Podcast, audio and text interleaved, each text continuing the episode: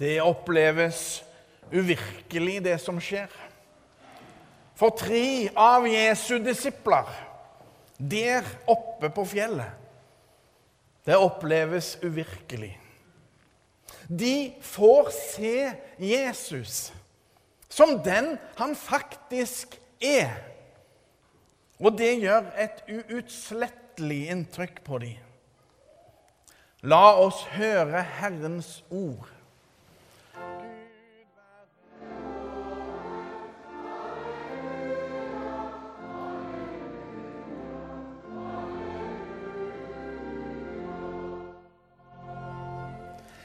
Det står skrevet i evangeliet etter Matteus.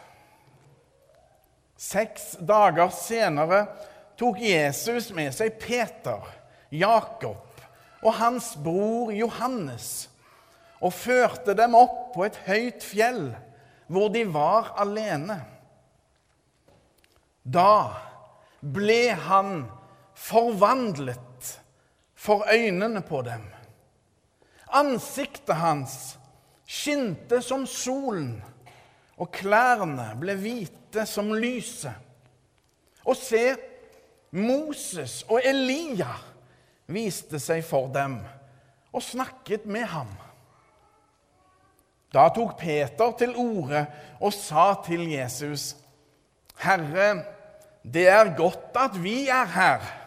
Om du vil, skal jeg bygge tre hytter en til deg, en til Moses og en til Elia.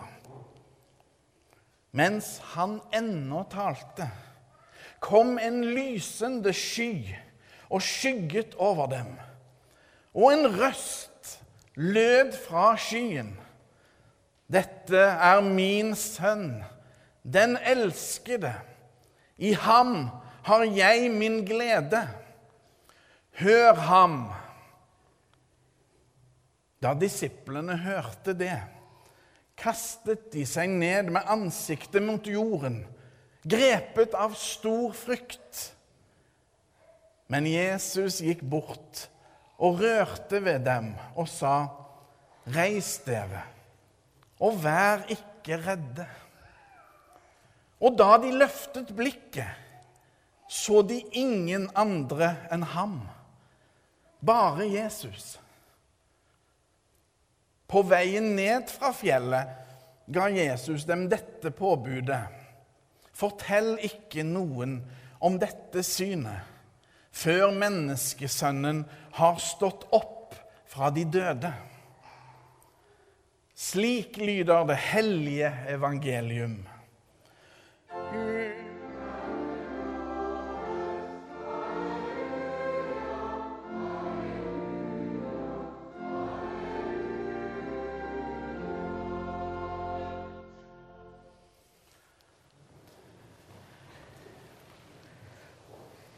Det er så fint å løfte opp dåpsbarna og vise dem fram.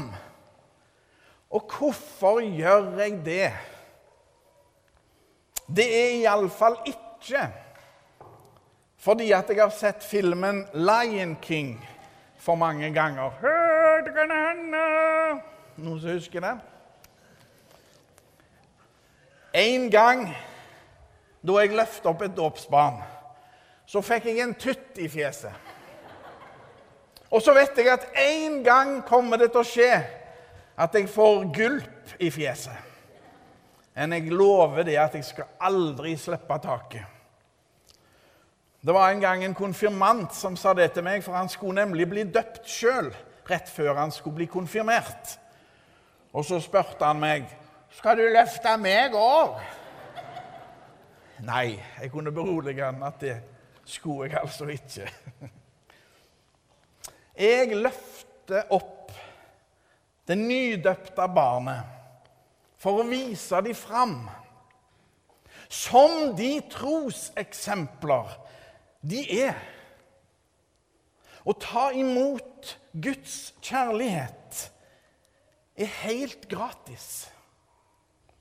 Betingelsesløst til stede.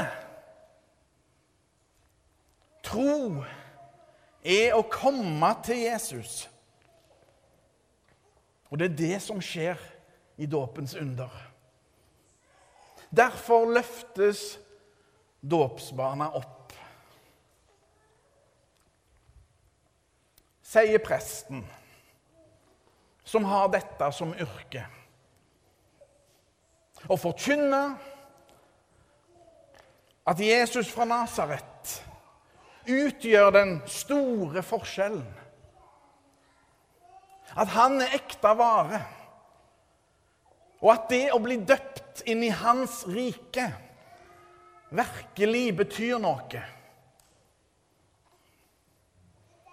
Men tenk om jeg har verdens tåpeligste jobb. At det bare er vann de tre små barna i dag har blitt overøst med. Og bare det. Bare vann.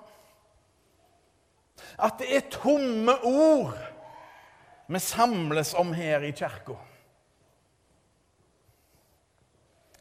Å våge å se ned i meningsløshetens avgrunn krever litt mot.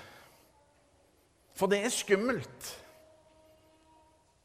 Tenk om dette er verdenshistoriens største bløff. At Jesus tok altfor hardt i om seg sjøl. Og at denne hendelsen på fjellet, som vi nettopp har lest om, kun var en felles fantasi for de tre disiplene. Tenk om. Da setter vi ting på spissen. Ting på spissen. Slik den britiske forfatteren C.S. Lewis gjør det. Han var ateist og ble kristen. Han sier enten var Jesus gal, eller så snakket han sant. Han framhever, sier Lewis, Kall iallfall ikke da Jesus for et godt menneske. Et godt menneske. For er han en bløffmaker, da er han jo virkelig ikke et godt menneske, men en skurk. Da gjenstår kun to muligheter. Enten så var Jesus gal, eller så var han ekte, sier Louis.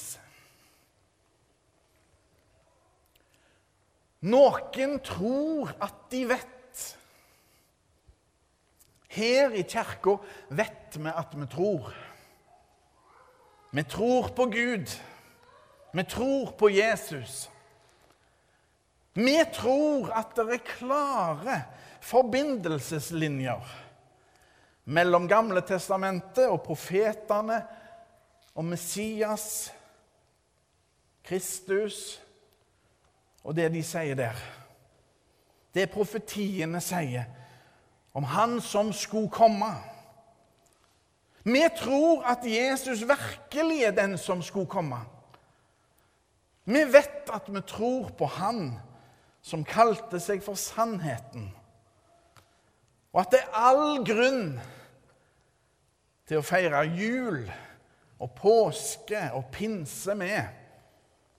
Vi tror at det gir mening å døpe tre små barn.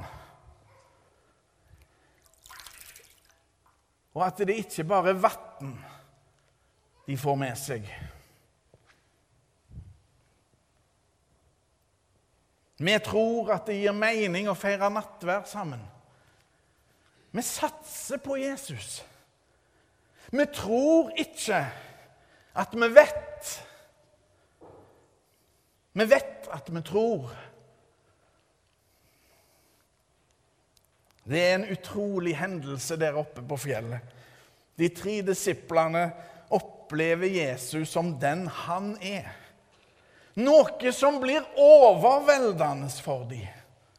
De blir rett og slett livredde. Han som de levde så tett innpå, viser sitt sanne jeg. Der oppe på fjellet bekreftes det de ante. Jesus' storhet og enorme betydning som sann Gud og sant menneske. Alt avhenger av Jesus. Han er virkelig Guds sønn. Jesus snakker sant om seg sjøl. Og det er ikke grenser for hans mildhet og godhet. I Jesus har Gud sjøl satt sine hellige fotavtrykk på jorda. Og verden blir aldri den samme. Guds sønn fullførte frelsesverket. Jesus befridde verden fra dødens makt. Alt på grunn av guddommelige, sårbare kjærlighet. Han som seira, har vi nettopp hørt sunget om. Og da de løftet blikket, så de ingen andre enn ham, bare Jesus leste vi nettopp. Her ligger nøkkelen til hele preken. Det er så lett å se i feil retning. Det er så lett å bli distraherte, slik at uviktige ting blir viktige. Også for oss gjelder det å løfte blikket og se på Jesus. Jeg hørte nettopp om en prest som døpte sitt barnebarn, og som var litt rusten på hva som sies og gjøres i dåpsliturgien. For han løfta opp sitt nydøpte lille barnebarn og sa, 'Dette er Selmer, Guds sønn.' Han tok jo litt hardt i, kanskje, men prinsipielt hadde han rett.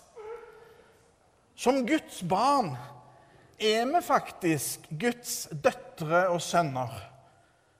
Men når vi nettopp har hørt evangelieteksten, kunne utsagnet misforstås. Det er Jesus det dreier seg om når vi snakker om Guds sønn. Så er det en parallell mellom det som har skjedd her i dag i Lura kirke, og det som skjedde for snart 2000 år siden oppe på det høye fjellet. Der går et usynlig bånd mellom begivenhetene som sprenger alle rammer. Guds kjærlighet i Jesus Kristus er den samme nå som den gangen. Dagens tre nye Jesus-disipler, Frida, Sara og Gabriel, er lagt til det store fellesskapet, Guds rike. Vi kan alle stole på at det virkelig er sant, det som ble sagt den gangen om Jesus. Dette er min sønn, den elskede. I ham har jeg min glede. Hør ham. Ære være Faderen og Sønnen og Den hellige ånd, som var, er og blir en sann Gud fra evighet og til evighet. Amen.